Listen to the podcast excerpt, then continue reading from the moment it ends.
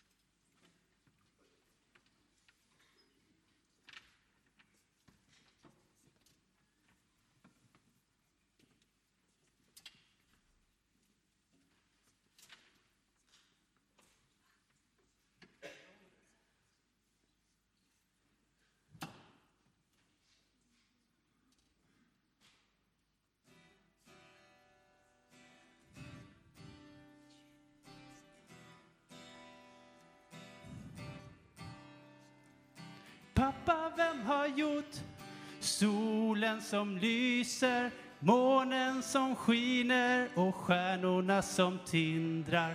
Pappa, vem har gjort regnet som faller, fåglarna som sjunger och gräset som är grönt? Pappa, vem har gjort fiskarna som simmar, brisen som blåser så skönt i mitt hår?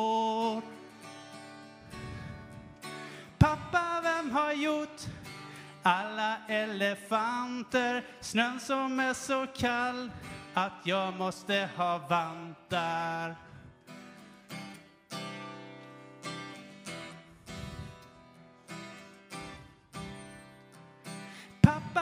Har gjort alla hemska ormar, alla fula spindlar och blixten som slår ner? Pappa, vem har gjort barnen som svälter, mammorna som gråter och farfar som är sjuk? Pappa, vem har gjort Människor som skriker, människor som skjuter och alla fängelser. Pappa, vem har gjort alla hemska krigen, mammorna och papporna som inte kan vara sams?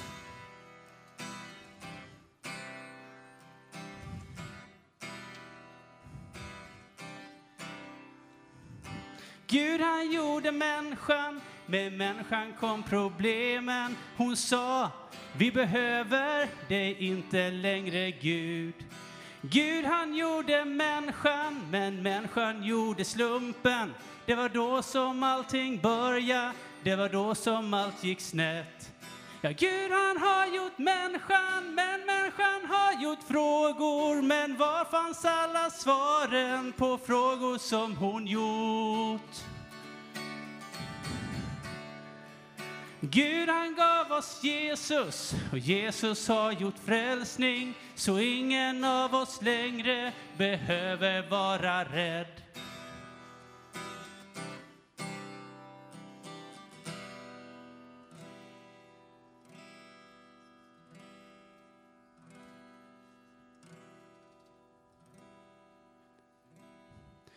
Jesus byggde vägar.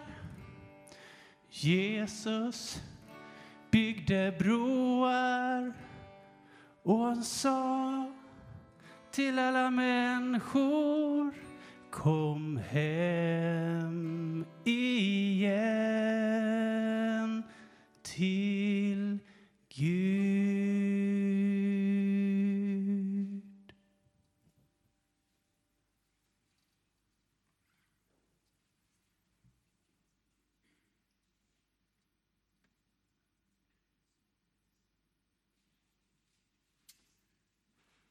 Ska vi se om söndags har någonting på gång.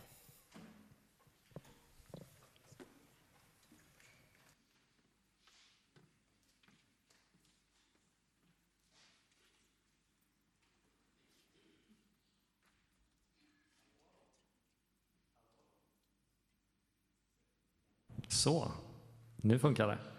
Eh, idag är det uppstart för söndags igen efter jul. Och jag ser att det är ganska många barn här, vad roligt. Eh, idag, vi brukar ju alltid ha de här En ska bort. Och idag har jag faktiskt med mig En ska bort för de vuxna och en för barnen.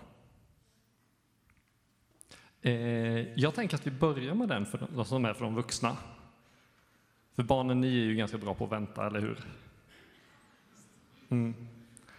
Så då skulle jag vilja ha upp mina ledarkollegor för idag.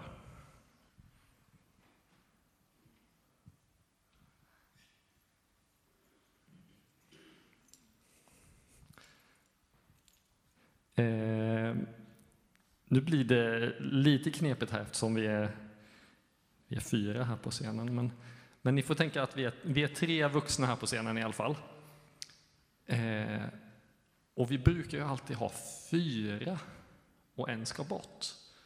Men nu är det faktiskt så att det är nog någon som sitter här i publiken som ska vara med istället.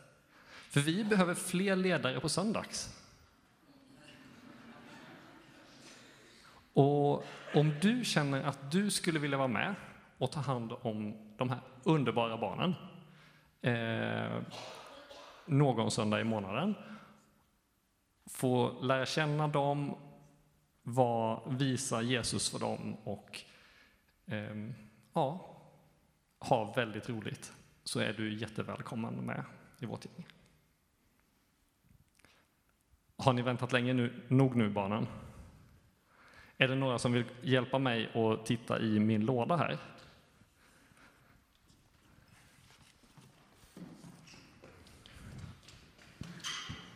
Oj, vad många.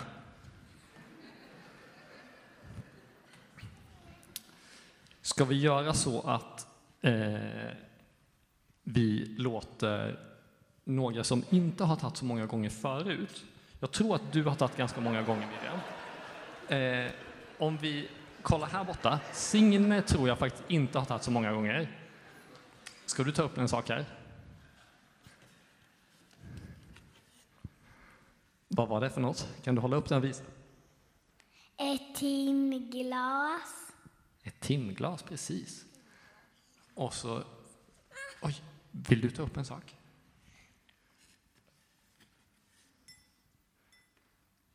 Vet du vad det är för något? En äggklocka. En sån som man kan mäta tiden när man ska koka ägg eller koka andra saker med. Ska vi se här bak. Vad heter du? Där. Oskar. Vill du välja en sak här i? Finns det...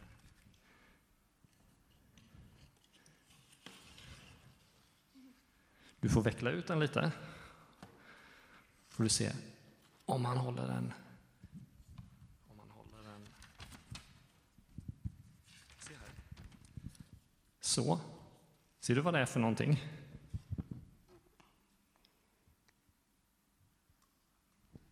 En kalender är det. Vad sa du? Trafikkalender. Precis, det är faktiskt en trafikkalender. Det står massor med dagar och alla deras siffror på. Och så ska vi se. Alma, ska du ta upp en, den sista saken? Det, vet du vad, den är inte egentligen en sak. Det där är en sak. Oj, vad var det för någonting? En sax. Precis, den får man vara försiktig med. Nu ska vi gissa vad det är som ska bort. Är det någon som kan komma på vad som ska bort? Kalendern. Kalendern. Varför då? För att de hade inga kalender då. Nej, just det. det. Det var en bra gissning, men det var inte så jag tänkte. Miriam, ska du gissa? Eh, timglaset. Timglaset, varför tror du det? Jag vet inte. Okej. Nej, det var inte rätt. Alma? Äggklocka. Nej, faktiskt inte det heller. Oskar, ska du gissa? Sax. Saxen. Ja, det är faktiskt saxen som ska bort. Alla de andra sakerna handlar ju om, att, om tid och om att vänta. Och idag ska vi prata om den långa väntan. Så kan, vi, kan ni fundera på vägen ut vem det är vi väntar på. Mm. All right. Ska vi samla ihop sakerna här?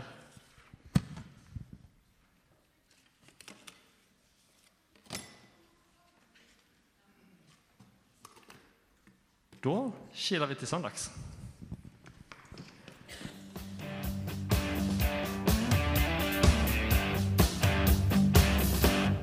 Nu är vi på gång,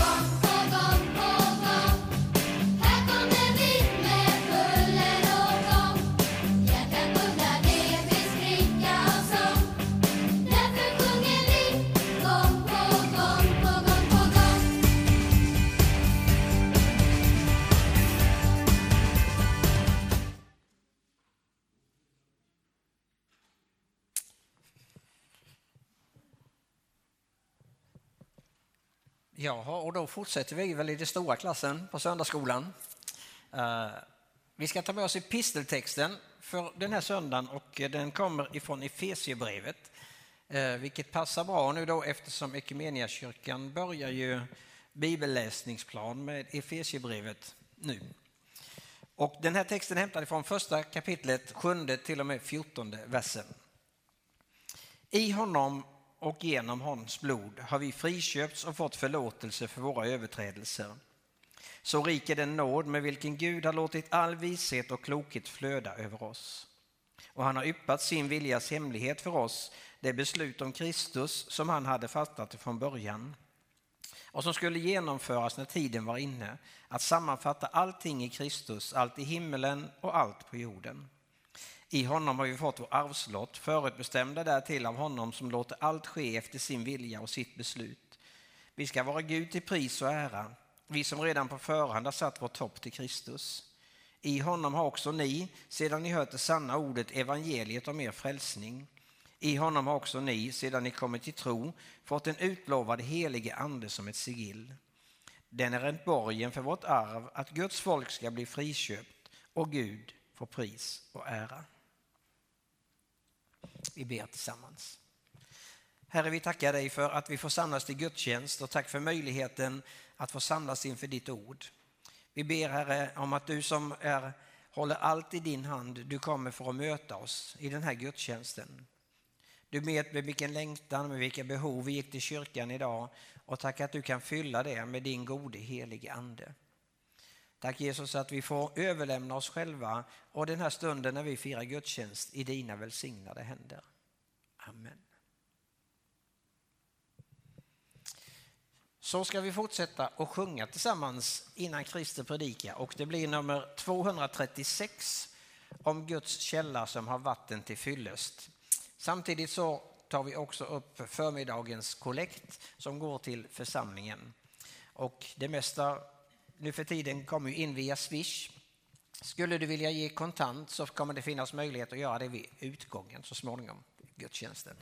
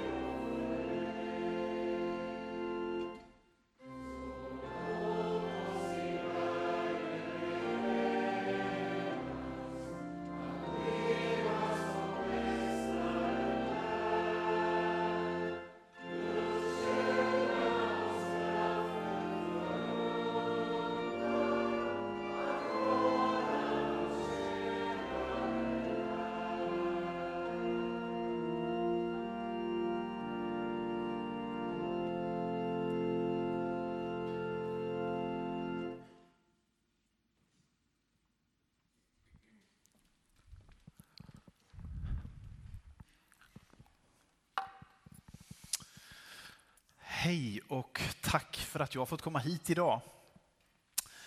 Om du tycker att jag pratar konstigt så beror det på att jag är västgöte med väldigt djupa rötter i Jönköping. Så att det blir någon slags rotvälska av det hela.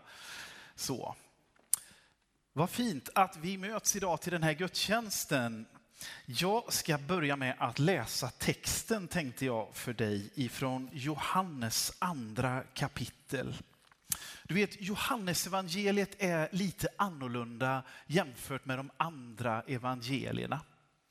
Här finns ett annat fokus. Han är mer målande, mer drömlika bilder, ett annat eh, perspektiv på vem Jesus är. Och det är därför vi kommer möta ett av de första tecknen som Jesus gör utifrån hur Johannes har nedtecknat när han har följt Jesus. Det står så här. På tredje dagen hölls ett bröllop i Kana i Galileen och Jesu mor var där.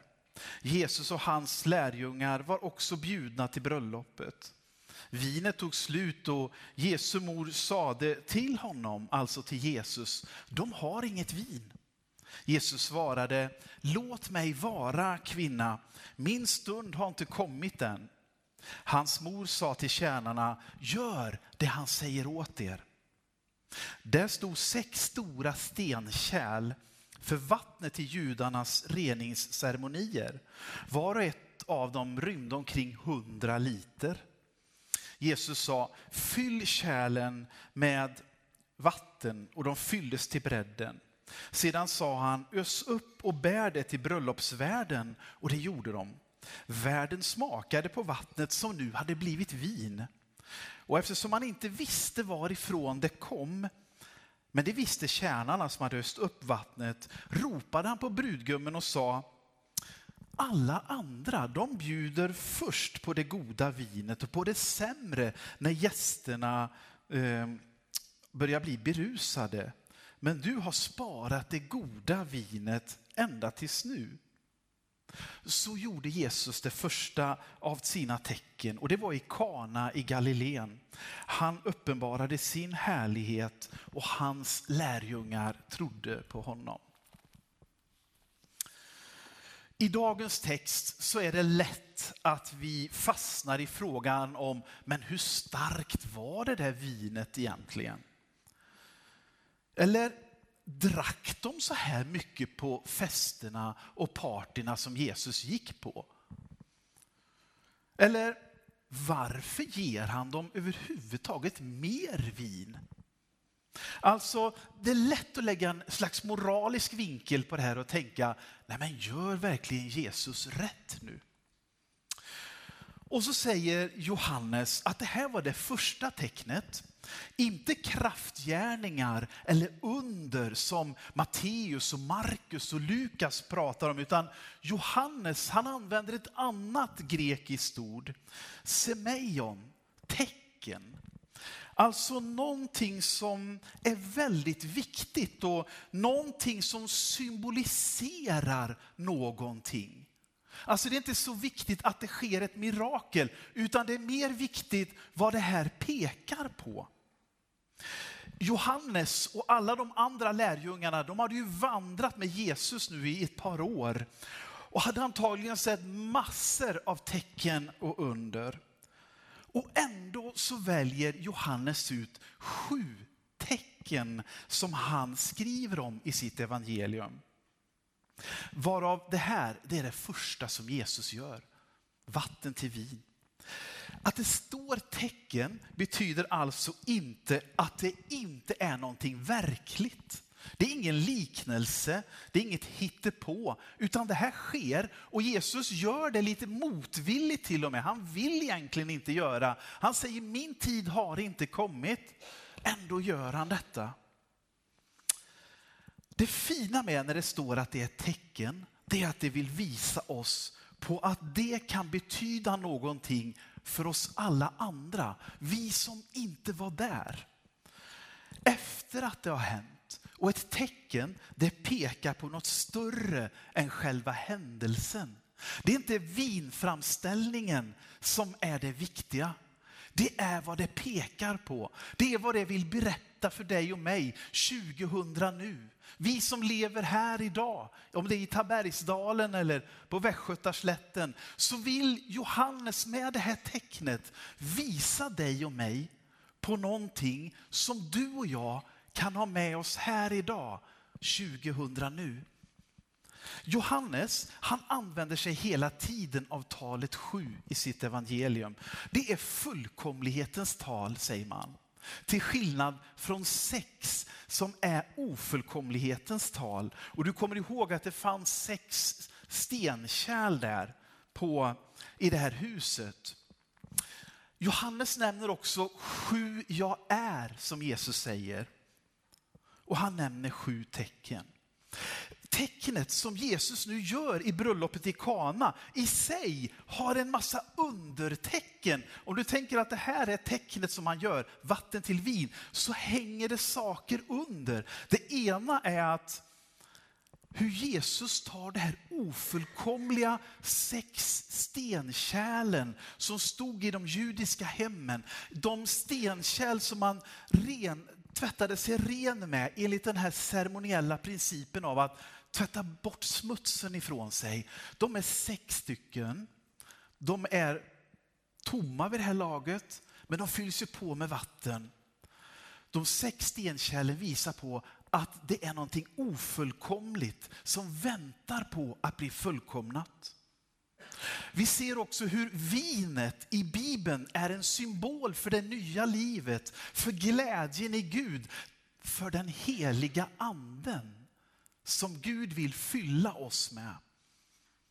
Vi ser också tecknet på hur Jesus räddar en familj som i sin oförmåga håller på att sabba hela festen. Ja, det var till och med straffbart vid den här tiden att bjuda in till något så viktigt som en bröllopsfest och sen inte kunna genomföra den ordentligt. Så Jesus går in och räddar själva familjens ära i det han gör. Det här kan vara en bild av hur vi som kyrka ofta tänker på oss själva.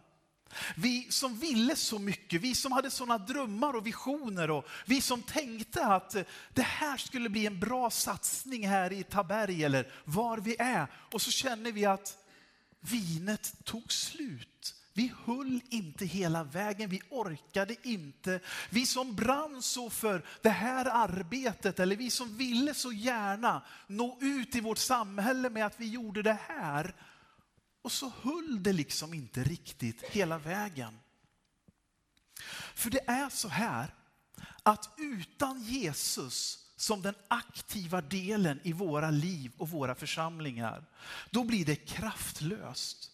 När vi bara försöker själva, då står vi till slut bara kvar med en väldig massa verksamhet. Bröllopet i Kana har egentligen gjort allting rätt. De har förberett sig så mycket de kan. Men vinet tar ändå slut. Och det är så många gånger jag har tänkt utifrån mitt kristna vandring och från de församlingsarbeten jag har stått i, hur, hur vi ville så mycket och vi gjorde allt så rätt och vi hade ju satt upp varenda plansch och vi hade ju annonserat på Facebook och vi hade ju gjort det och det och det. Och ändå så kände vi liksom att vi nådde aldrig riktigt fram. Vinet tog slut.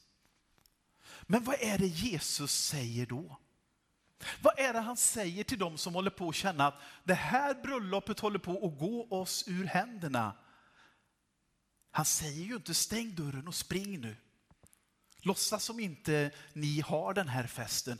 Han säger till dem, fyll kärlen med vatten. Fyll kärlen med vatten. Och vi får se hur han vill involvera människorna. Vill att de, och det här är ett tecken för dig och mig, när vi känner att vi har kommit till gränsen av oss själva i mitt kristna liv, i tjänsten i församlingen, i församlingens uppdrag och vi känner att det är tomt nu. Då är det som att Jesus säger, inte så här, då löser jag det så kan ni gå hem. Utan han vill involvera oss och säger, hörni, fyll på med nytt vatten. Så är det jag som ska göra verket sen. Börja i rätt ände, starta om. Ja, ibland kan det till och med vara så att Gud kallar oss till att lägga ner och säga, den tiden är över, för det har börjat växa här. Det har börjat blomma här. De här stenkärlen är fulla av liv nu.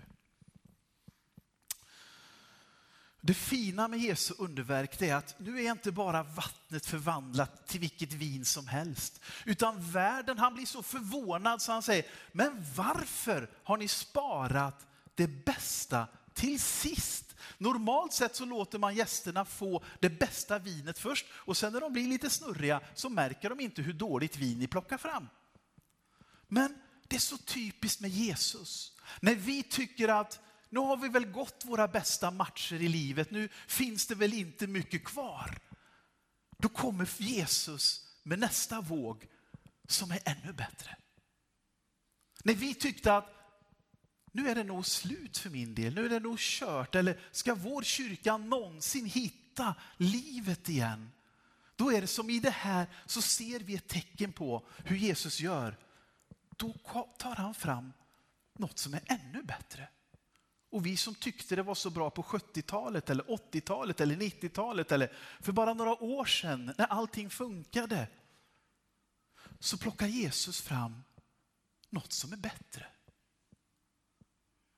Och det är svårt att tänka den tanken när man är trött här.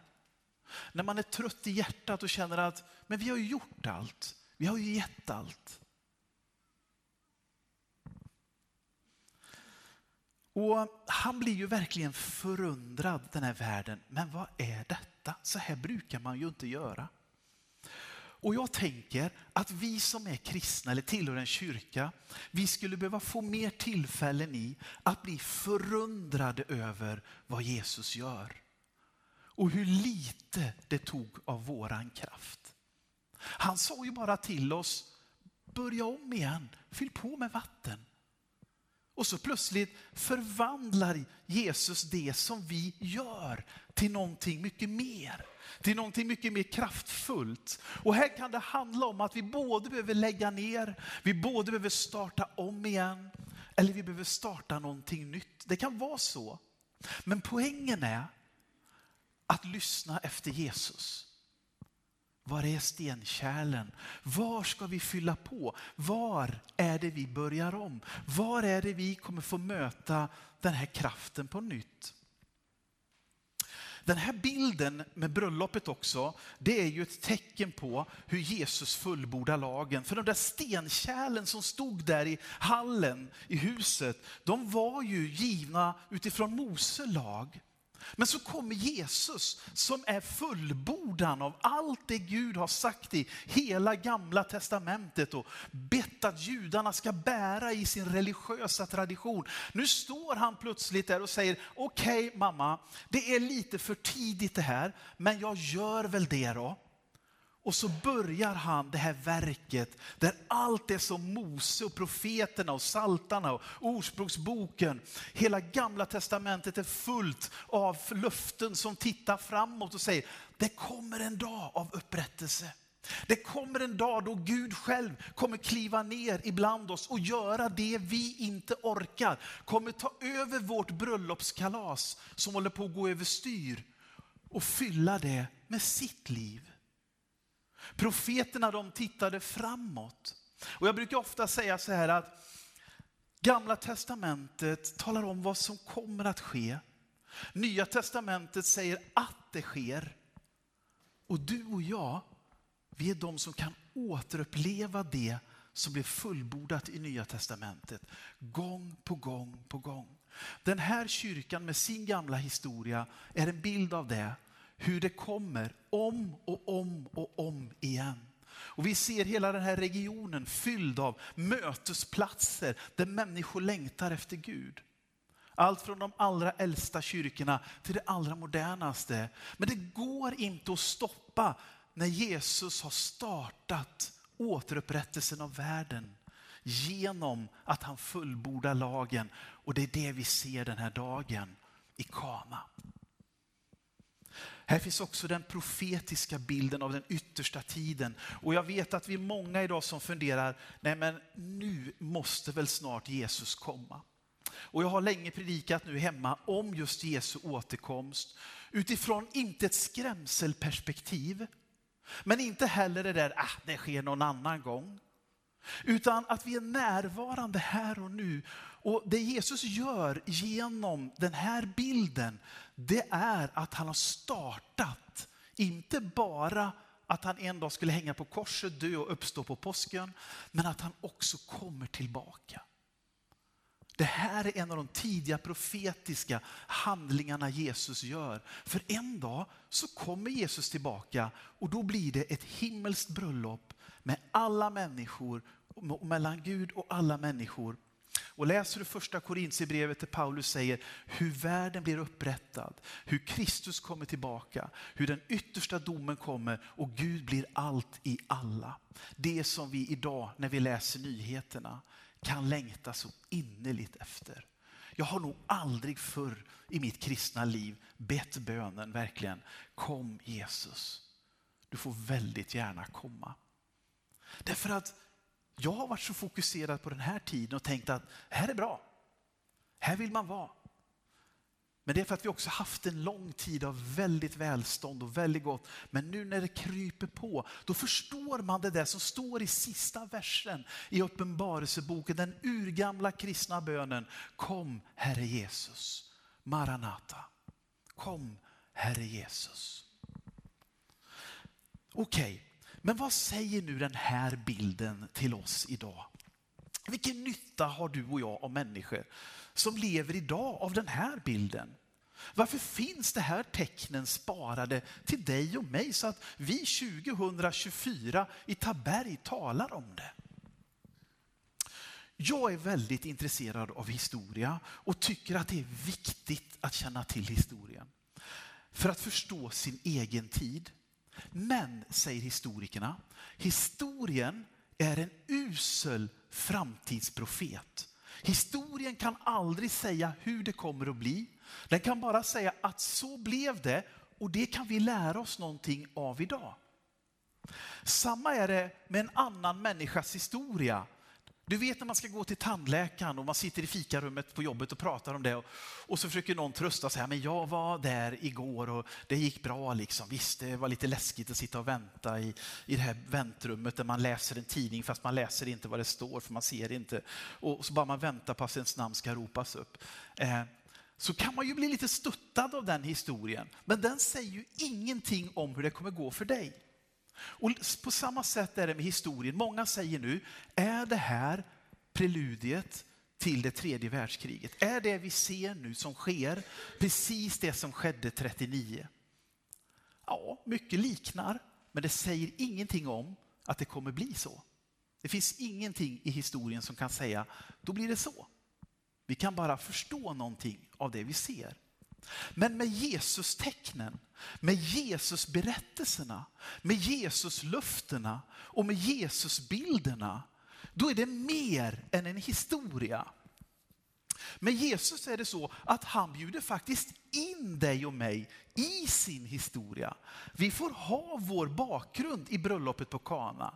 Vi får ha vår bakgrund i uppståndelsen på påskdagen. Vi får ha vår bakgrund i mötet i övre salen i Jerusalem när anden faller. Det är den historien som Jesus bjuder in till och säger, den kommer tillbaka igen och igen och igen genom den kristna församlingen.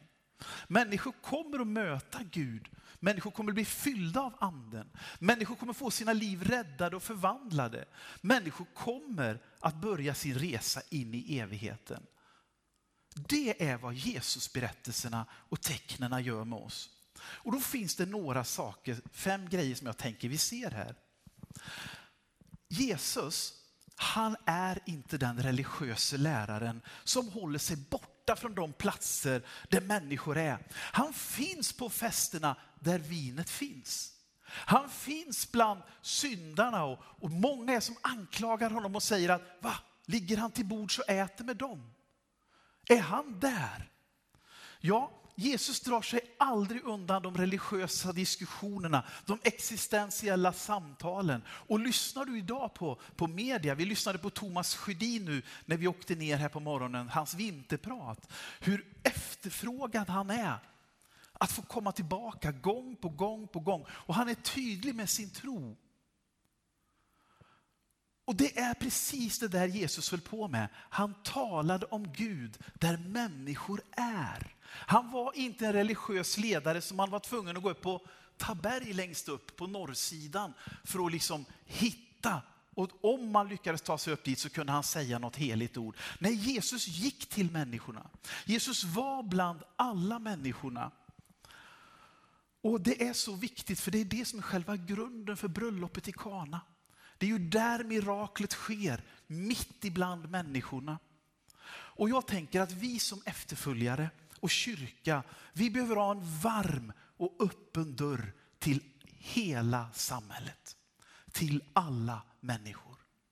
Det här är inte någonting för några få utvalda. Det här är inte för några få svenskar som är lite religiöst lagda. Det här är för hela Tabergsdalen. Den här mötesplatsen är för hela Taberg. Här trivs Jesus. Han trivs bland människorna och det är där han vill verka. Det andra är att han möter deras tillkortakommande och brister och misslyckande. Och ibland är det människor i hög position och ibland är det människor i låg position. Ibland är det människor som måste sälja sin kropp för att överleva. Ibland är det människor som får sälja sitt samvete och vara tullindrivare åt romarriket. Men han möter dem allihop och jag tänker att vi som efterföljare och kyrka, vi behöver ta samma barmhärtiga inställning till vår omgivning. Aldrig sitta på domartribunen, alltid med en öppen famn.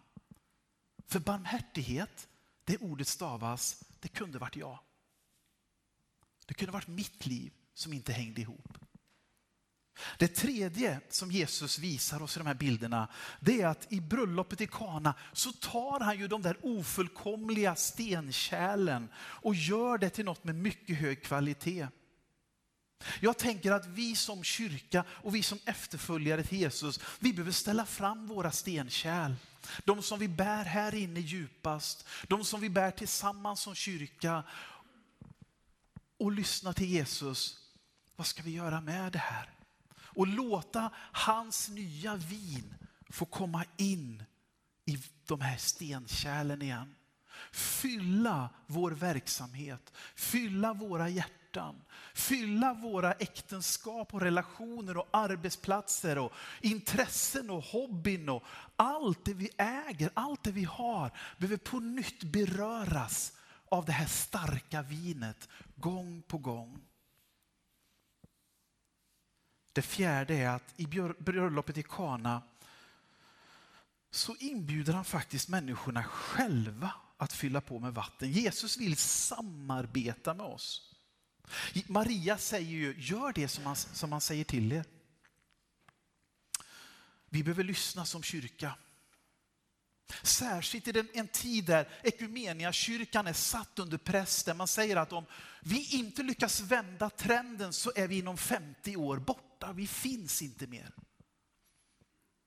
Och samtidigt ser jag hur det pyr i så många Ekumeniaförsamlingar av nya initiativ, av nya stenkärl som ställs fram och där människor fyller på med vatten och säger, vi vill, nu får Gud göra undret. Nu är det Guds ande som får levande göra. Men vi vill, vi vill i vår tid lyfta fram våra stenkärl så att vår tid, vårt samhälle, våra grannar, mina släktingar, mina barn, vad det är, ska få samma chans att uppleva Gud. Till sist så i uppenbaras i Kana Jesu härlighet. Och det här kanske är den knepigaste grejen. För det är så mycket fokus nu på hur får man en kyrka att växa? Hur växer man som kristen? Här finns en bok med sju punkter. Gör du dem så växer du som kristen och så vidare. Och så provar man dem där och så tycker man efter ett tag att det funkar så där. Och så har vi provat den där äh, tillväxtmodellen i kyrkan och så tycker vi att det funkar så där. Jag tror att vi behöver lägga mycket mer fokus på det som Johannes säger i slutet av berättelsen om Kana. Att Jesu härlighet uppenbarades. Det är mer av Jesu härlighet och mindre av vårt strategiska tänkande. Mer av att sätta i fokus att det är Jesus som får vara centrum. Att det är Jesus det handlar om. Lägga trycket på Jesus. Har du sagt till oss Jesus att vi ska predika evangelium till hela den här världen, att vi ska döpa människor till tro på dig, då är det du som måste göra det. Här är vi. Här är vi stenkärlen. Det är vi som behöver bli fyllda av ditt vin. Det är du som behöver göra det så att det här sker som du har talat om. Det är din härlighet Jesus, inte min. Inte vår församlings, inte vårt samfunds. Det är din härlighet Jesus. Och när den börjar verka och bli tydlig, då tror jag att mycket av de här bönesvaren, drömmarna, miraklerna som vi ropar och längtar efter blir en verklighet. När Jesu härlighet får vara i centrum. Så vad finns dina stenkärl? Vad är det som du behöver bli fylld på nytt? Vad är det du behöver plocka fram? Och vissa grejer kanske vi skäms för och håller väldigt hårt intill oss för vi tänker att det här kan jag inte ens med att berätta. Känner vi att vi har försökt ordna ett bröllop och verksamhet och jag har försökt leva ett kristen liv. Och jag, jag blir så glad när du sjöng Jerusalemsången här i början. Pappa, vem har gjort? För när jag var på 80-talet, väldigt mycket yngre, det- det är ju hemskt att tänka bakåt, men då var man ju det, eh, och lyssnade väldigt mycket på annan hårdrock. Men när jag lyssnade på Jerusalem, de hade ett sånt otroligt starkt uppdrag bland väldigt många av oss unga vid den här tiden.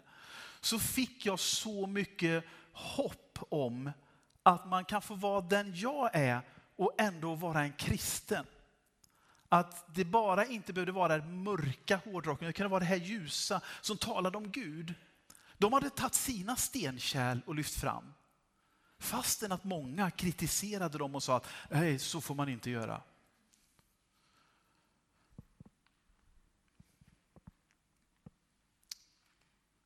För jag tror det är så här, att varje gång vi börjar om, varje gång vi ger upp våra egna försök, återtar Jesus sin plats som centralpunkt i våra liv. Och då börjar vi växa.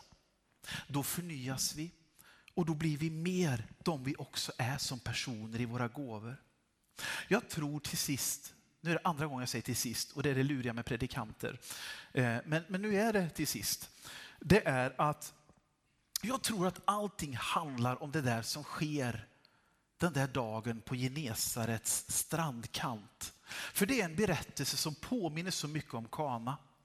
För på den här stranden så är det ett gäng fiskare som ger sig ut. Deras stenkärl är till och med krossade till viss del. Petrus, han som hade lovat att aldrig svika Jesus, som sprang ut och svor och förbannade och försvann in i natten den där påsken. Som sen hör tjejerna berätta, men graven är tom och Jesus har speciellt hälsat till dig Petrus.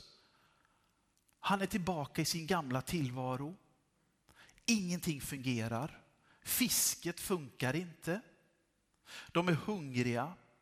Han är nog ganska disorienterad här inne.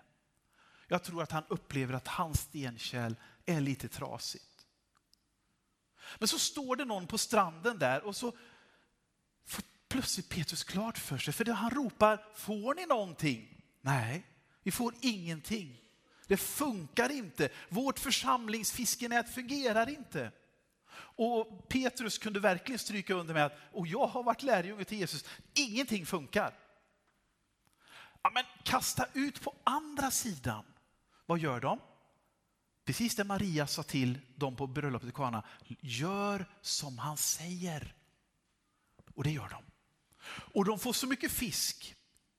Så mycket fisk. Och Petrus, sin vana trogen, blir ju all... Men det är ju Herren. Hoppar i, drar upp och springer upp i land.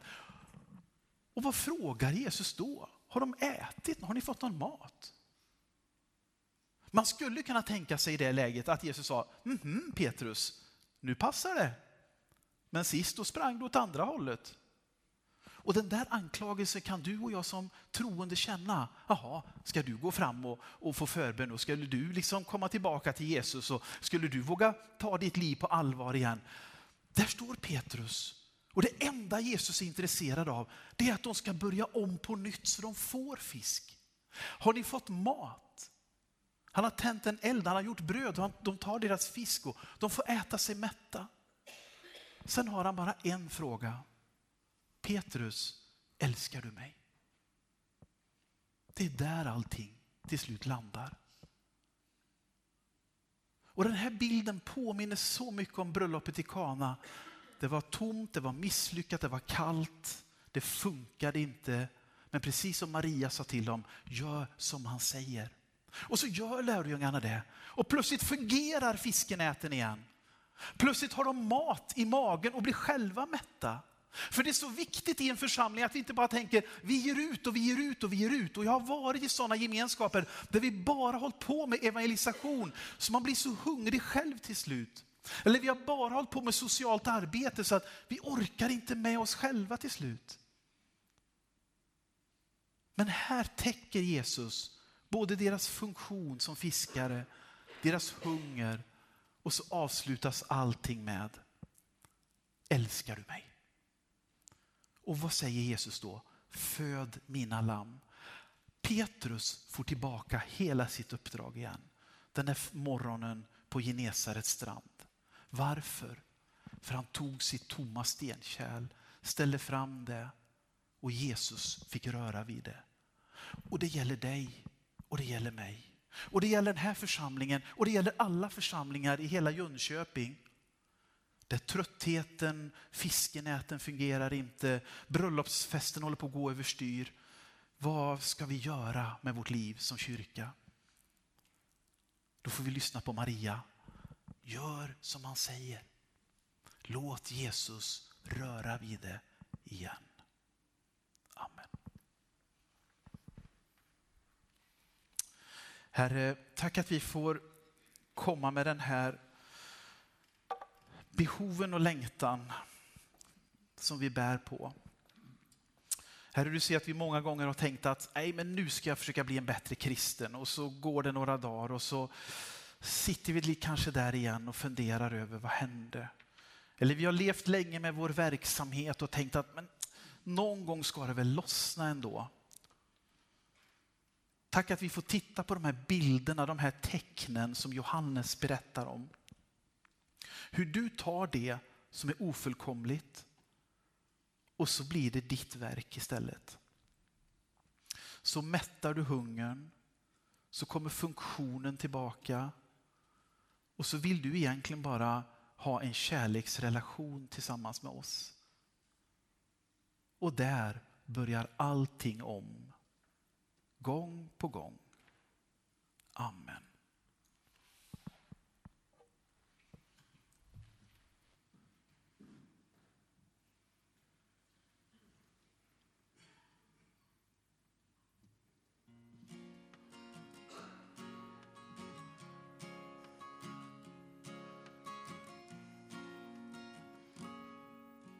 Jag ser hur du är ensam och modlöst satt dig ner i en kamp du inte orkar kämpa mer. Om du inte får falla in i Jesu armar i vems armar ska du då bli hel? Din väg har känts lång och i stormarnas land har du famlat efter en skyddande hand. Om du inte finner ro i Jesu armar, i vems armar ska du då finna ro? Han går aldrig förbi dig. Han vill för evigt vara din. Han går aldrig förbi dig. Han vill för evigt vara din.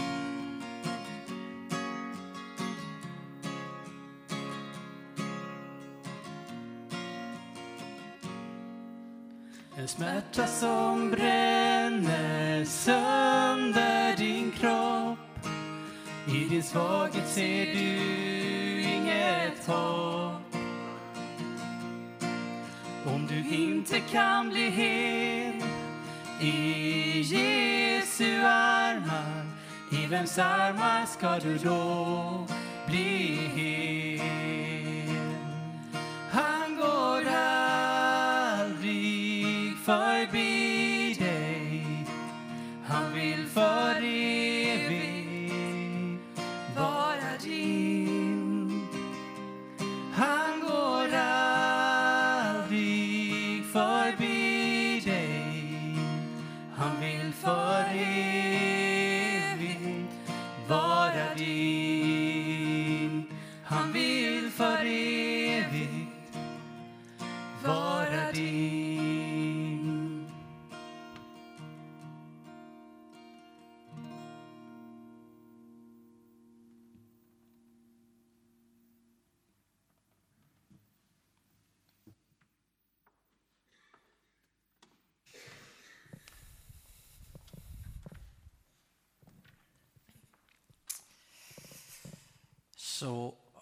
stora förmånen att också få fira nattvard, den här gudstjänsten. Och det blir ju ett sånt där tillfälle då vi kan stanna upp och fundera och på något sätt plocka fram våra kärl inför Herrens ansikte. Stanna upp vid källan och få törsten släckt. En tillfälle för bön och för förbön, en tillfälle för att komma inför Herrens ansikte och låta liksom honom få bli centrum igen, precis som Christer har predikat om här. Och det om något ett vittnesbörd om Guds kärlek till oss i Jesus Kristus. Vi börjar med att sjunga salmen nummer 75 tillsammans.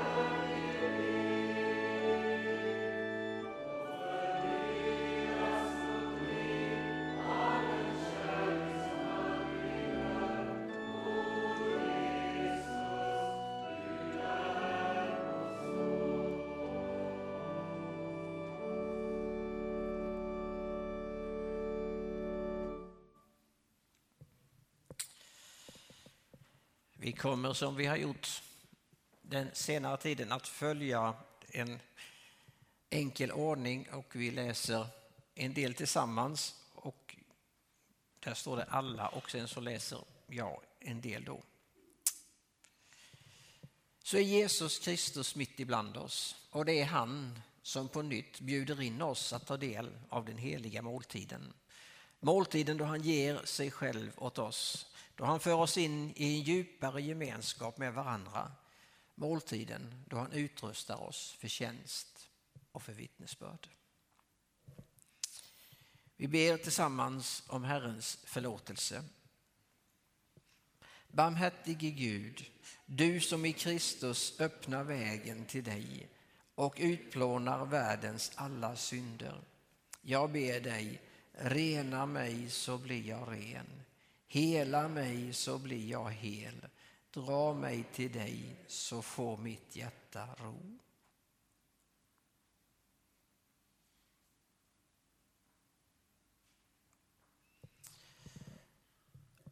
Och när vi nu har bekänt våra synder så får jag som Jesu Kristi tjänare tillsäga er förlåtelse.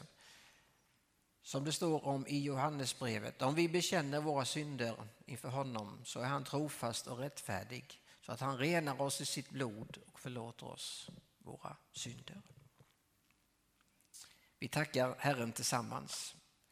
Livets Gud, tack för att vägen till dig alltid är öppen genom Jesus Kristus. Hjälp oss att leva i din förlåtelse. Stärk vår tro, öka vårt hopp, uppliva vår kärlek. Amen. Så ska vi läsa tillsammans i det som vi kallar för instiftelseorden ifrån första Korintierbrevets elfte kapitel. Och Paulus han skriver så här. Jag har själv tagit emot från Herren det som jag har fört vidare till er. Den natten då Herren Jesus Kristus blev förrådd tog han ett bröd, tackade Gud, bröt det och sa Detta är min kropp som offras för er, så gör det till minne av mig. Likaså tog han bägaren efter måltiden och sa Denna bägaren är det nya förbundet genom mitt blod. Var gång ni dricker av den så gör det till minne av mig.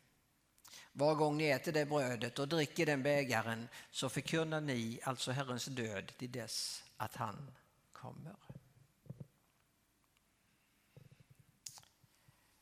Stort är trons mysterium. Kristus, din död förkunnar vi. Din uppståndelse bekänner vi till dess du kommer åter i härlighet. Då får vi byta bild där så tar vi det igen. Stort är trons mysterium. Kristus, din död förkunnar vi. Din uppståndelse bekänner vi till dess du kommer åter i härlighet. Och så ber vi den bönen som Jesus lärde oss att be. Vår Fader, du som är i himmelen. Låt ditt namn bli helgat. Låt ditt rike komma. Låt din vilja ske på jorden så som i himlen. Ge oss idag det bröd vi behöver och förlåt oss våra skulder liksom vi har förlåtit dem som står i skuld till oss. Och utsätt oss inte för prövning utan rädda oss från det onda. Ditt är riket, din är makten och äran i evighet. Amen.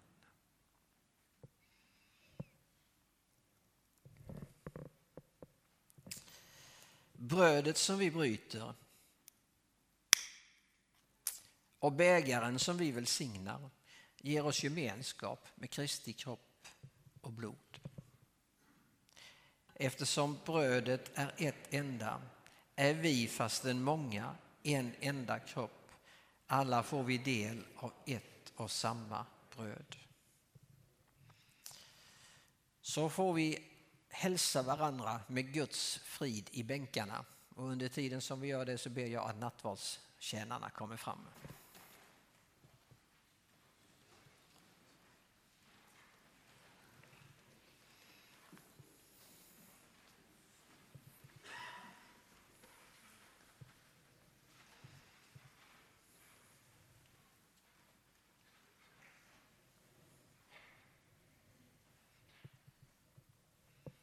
Kristi kropp för dig utgiven. Kristi kropp för dig utgiven. Kristi kropp för dig utgiven. Kristi kropp för dig utgiven.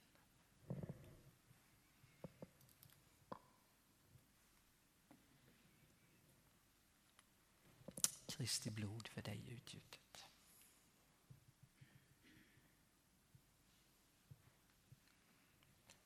Kristi blod för dig utgjutet.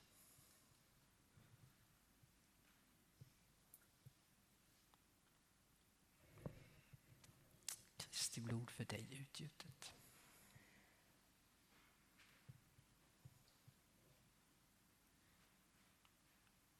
Och Kristi blod för dig utgjutet.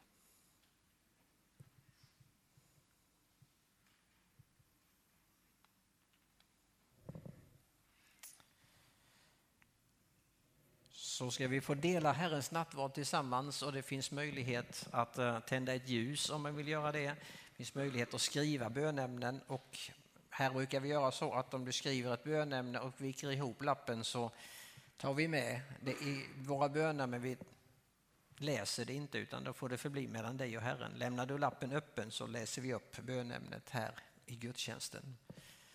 Så det finns de möjligheterna under nattvardsfirandet. Lovsångsteamet kommer också till hjälpa oss här med lite sång. Tag och dela er emellan.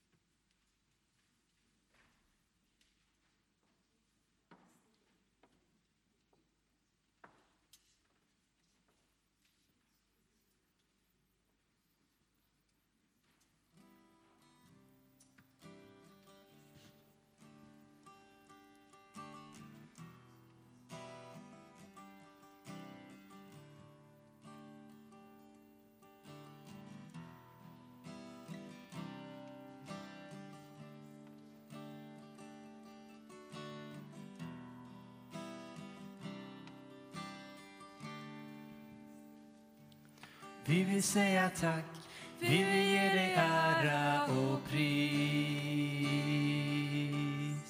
Det är så det ska vara och evigt förbli. Vi vill säga tack, vi vill ge dig ära och pris. Det är så det ska vara och evigt förbli. Vi vill säga tack, vi vill ge dig ära och pris. Det är så det ska vara och evigt förbli. Vi vill säga tack, vi vill ge dig ära och pris. Det är så det ska vara och evigt förbli.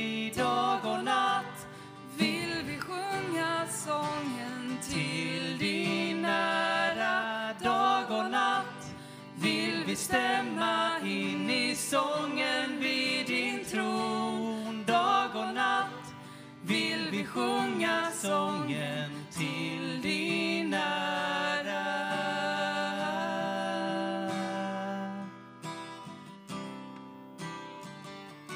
Vi vill säga tack, vi vill ge dig ära och pris. Det är så det ska vara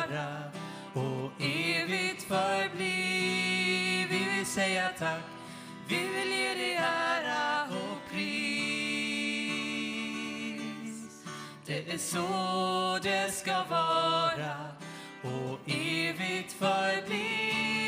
Dag och natt vill vi sjunga sången till din ära. Dag och natt vill vi stämma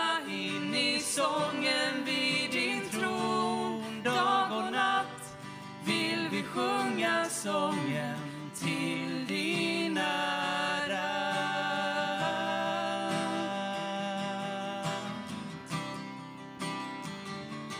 Dag och natt vill vi sjunga sången till din ära. Dag och natt vill vi stämma in i sången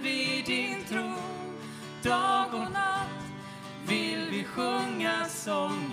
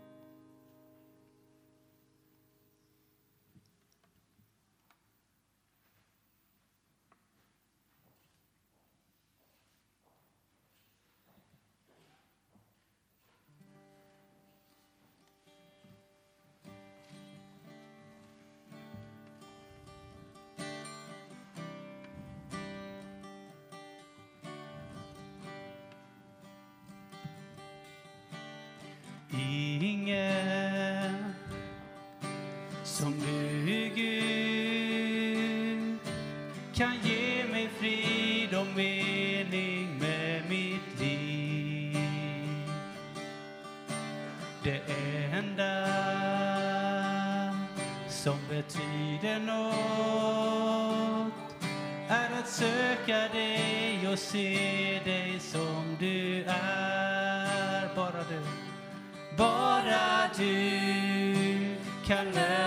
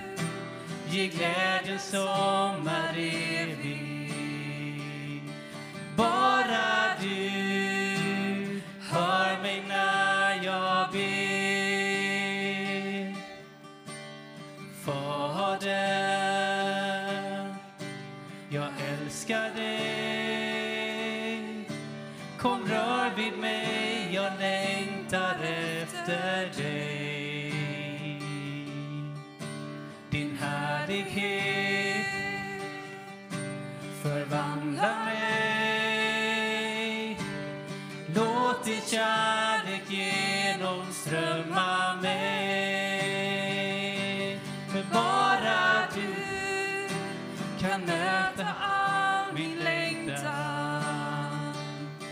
Bara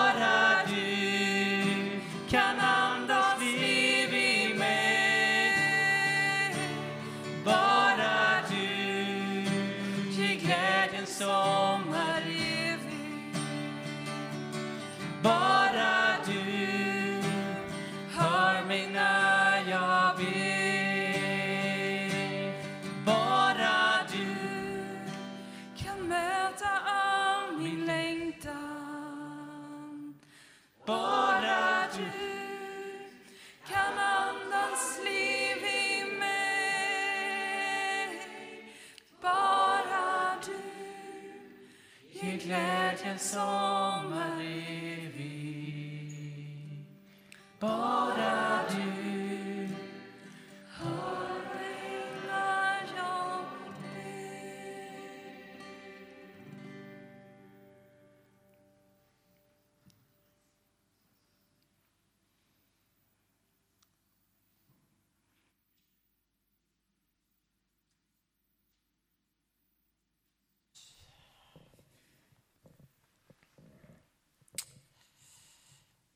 ska fortsätta och i bön. Jag tror vi får en, ja, en till på lager, en lovsång. Och låt det liksom få landa, det som Christer har predikat om, att Herren vill röra vid dig. Han vill fylla på de där kärlen. Om du känner att det har liksom sinat lite grann så finns det ny kraft att få. När vi har sjungit tillsammans ytterligare så kommer Marianne och ger oss lite info som vi tar med oss in i förbönen också som gäller vårt missionsarbete.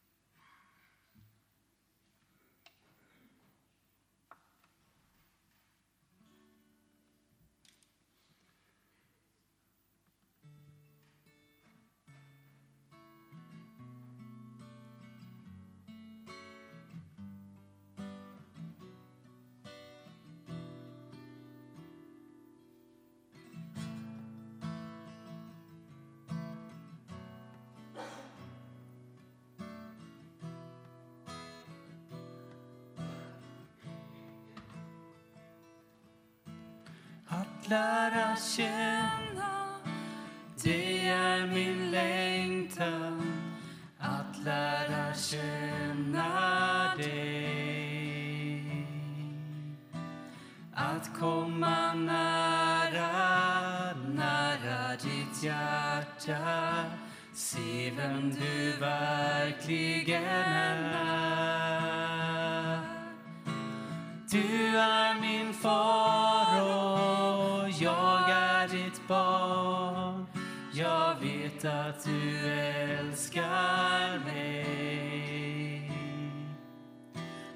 Vara i din närhet, höra dig tala.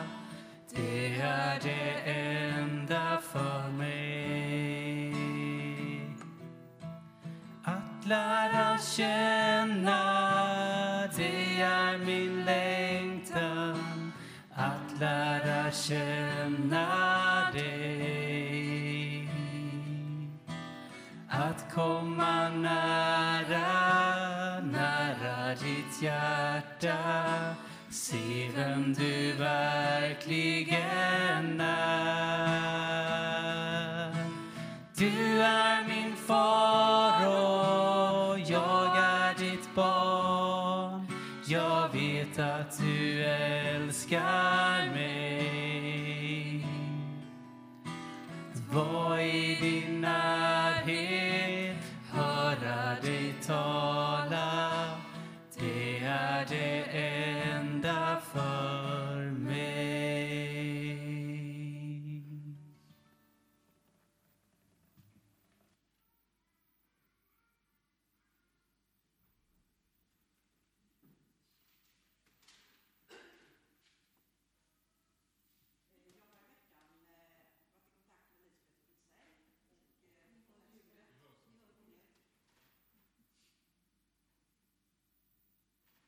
Bättre? Jag har i veckan pratat med Lisbeth Fritzell och har många varma hälsningar från henne och därigenom också från Papua Nya Guinea. Ni vet, hon är ju hemma på ett år nu, eh, finns någonstans utanför Vetlanda och upplever eh, svensk vinterkyla. Till skillnad från eh, temperaturen det hon är van vid, plus 33 grader året om. Viss skillnad. Precis eh, de här dagarna, den här veckan som har gått, så har det uppstått oroligheter på Papua Nya Guinea. Det handlar om eh, stat, statligt anställda som inte har fått ut sina löner och det har lett till protester och upplopp. Eh, många människor har till och med dött i de här upploppen. Butiker i huvudstaden har blivit nedbrända och det är allmänt väldigt oroligt. Det är inte oroligt just där Lisbeth eh, brukar finnas till, men eh, hon kände ändå en stor oro för vad som håller på att hända i landet. Så det vill hon att vi idag ska nämna och ta med som ett bönämne. Under en lång tid så har det varit planerat att det ska komma en familj eller ett par ifrån Sverige som ska bli eh, gårdsföreståndare på det här missionscentret som hon hör hemma på. Lisbeth har ju själv fått ta en del ansvar där och haft rätt så tung uppgift tror jag med det praktiska arbetet. Och nu när hon är i Sverige så haltar det ju liksom ännu mer. och eh, har varit en, en, en svår uppgift att lösa. Men så har det planerats då att det ska komma två stycken som ska jobba helt och hållet med det och ta det ansvaret. Och häromdagen så blev det beslutat att eh, allt det blir inställt på grund av sjukdom. Och det kommer inte att bli överhuvudtaget att det här paret åker ut. Så det var de mycket, mycket besvikna över. Sen berättar hon också om den här killen som vi har pratat om någon gång. Det är en ung man som har ingått i översättarteamet som har varit med och jobbat. Han var med tydligen från början när hon började med Fanamarke-språket. Då eh, fanns han med och kunde det språket och har varit med och hjälpt till och läst och ja, rådgivare och funnits eh, som medhjälpare. Han har varit iväg på någon bibelskola i Australien, tror för några år sedan, är tillbaka och han är, han är en i teamet som de håller på och försöker lära upp. Och förhoppningen är att han så småningom ska kunna fortsätta att översätta Bibeln till Fanamarkespråket och då är det ju hela Gamla testamentet som ska översättas. Så han är liksom en sån där, får man säga, påläggskalv som man verkligen hoppas mycket på. Under det här året när Lisbeth är i Sverige så är det, var det meningen att hon skulle handleda honom och ja, vara någon mentor härifrån. Och det säger hon att det har hon inte lyckats med. Tyvärr, och det handlar ju då om tekniken istället, alltså att det är jättesvårt att hålla kontakten. Han är på områden där det inte går att vara uppkopplad. De skickar mejl till varandra och var tredje mejl kommer fram och andra försvinner tydligen helt och hållet. Så det har varit mycket, mycket svårt. Och han behöver handledas, säger hon, så att det har inte varit riktigt enkelt det heller. När jag frågar hur Lisbeth själv mår och om hon vill ha någon förbön för något särskilt så är hennes bönämne att hon ska få vara till välsignelse den här tiden hon är i Sverige. Hon vill ju vara ute i församlingar och inspirera för missionsarbete. Annars hälsar hon att hon mår bra. Så några stycken olika bönämnen här har vi. Men när jag är här framme så vill jag också säga några ord om Ecuador. Vi har inte varit i kontakt med vår missionär Gunilla Eliasson där. Ni vet, eh, Hermanssons åkte ju hem innan sommaren på grund av att eh, kriminaliteten i landet tilltog och de kände med sina blivande tonårsbarn då att de ville vara i Sverige och ge dem en skolgång här hemma i Sverige. Eh, Gunilla Eliasson tog över Andreas arbete och det är det vi stöder. Ni har hört på nyheterna och läst denna veckan. Det är riktigt oroligt i Ecuador. Och där handlar det ju om att en eh, gängmedlem, en riktig narkotikaboss, har eh, rymt från eh, fängelse och det har blivit upplopp på fängelser och överallt i eh, samhället. Det är undantagstillstånd och eh, nattligt utegångsförbud i vissa områden. Så att eh, det är mycket, mycket oroligt verkligen ett bönämne som vi också ska ta med. Ta emot den hälsningen. Tack ska ni ha.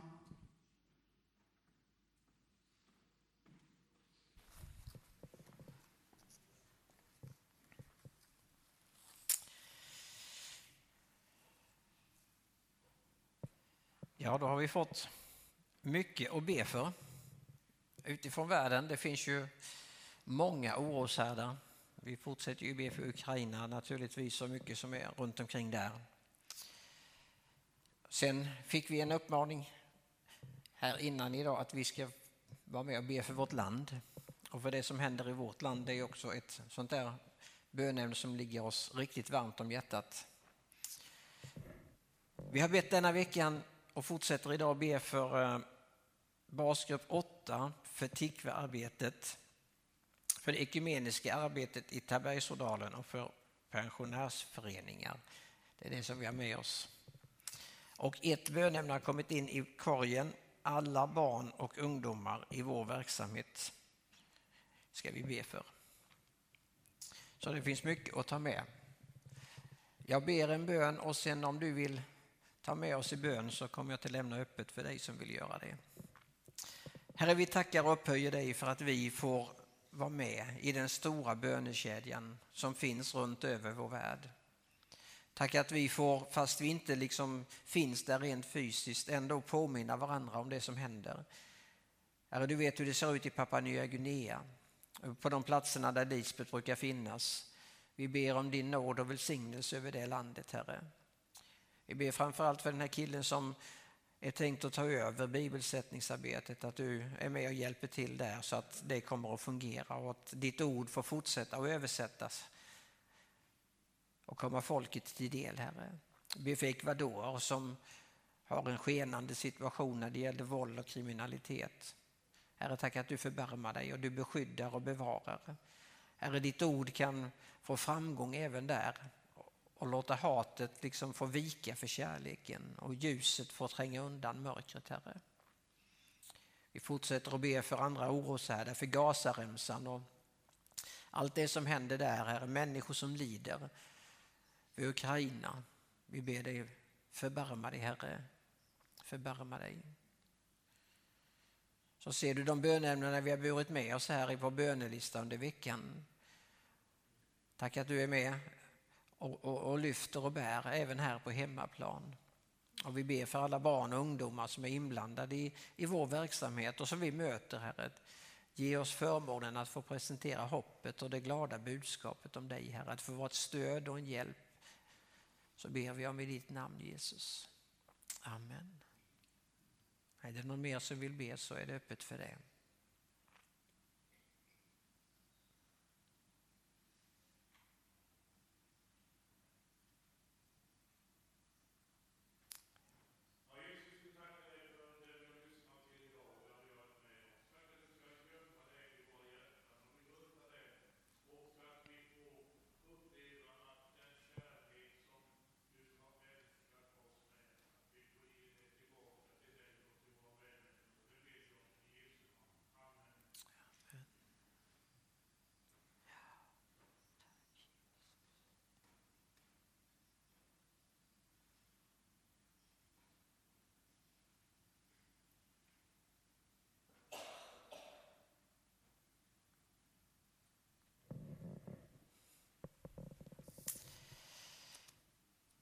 Så är det ju så här att i veckan som kommer blir det mycket bön.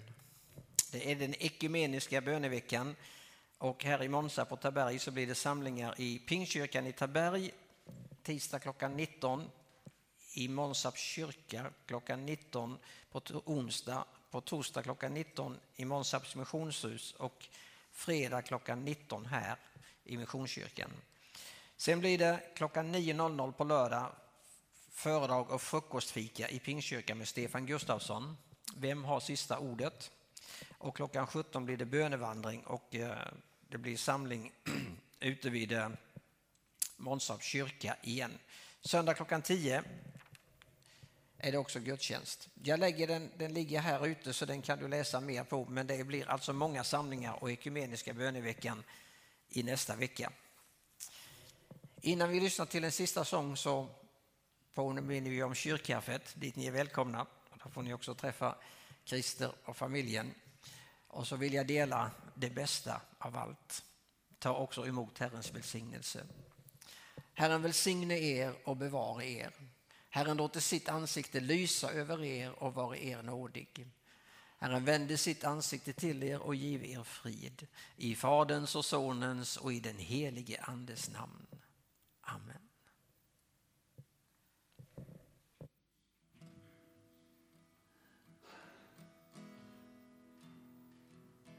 Gud, väck upp mitt inre så jag kan börja att tänka som du.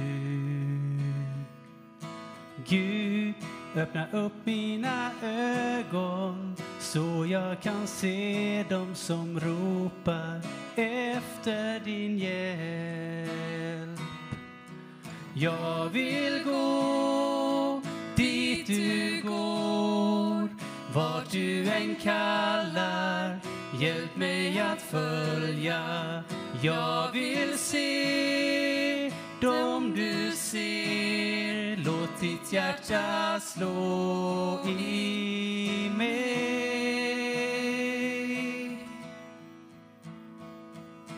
Gud, ta mina händer så jag kan göra din vilja idag. Gud, led mina steg nu För dit du går är också dit jag vill gå. Jag vill gå dit du går, vart du än kallar. Hjälp mig att följa. Jag vill se dem du ser. Låt ditt hjärta slå i mig.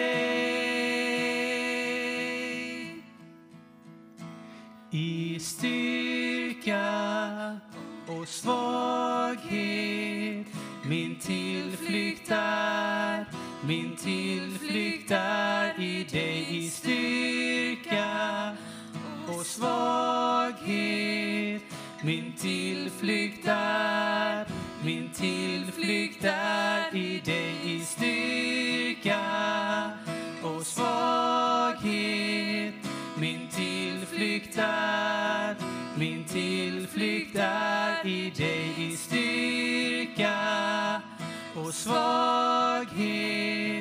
Min tillflykt är, min tillflykt är i dig. Jag vill gå dit du går, vart du än kallar. Hjälp mig att följa. Jag vill se dem du ser. Låt ditt hjärta slå i mig. Jag vill vart du än kallar. Hjälp mig att följa. Jag vill se dem du ser. Låt ditt hjärta slå i mig. Jag finner hopp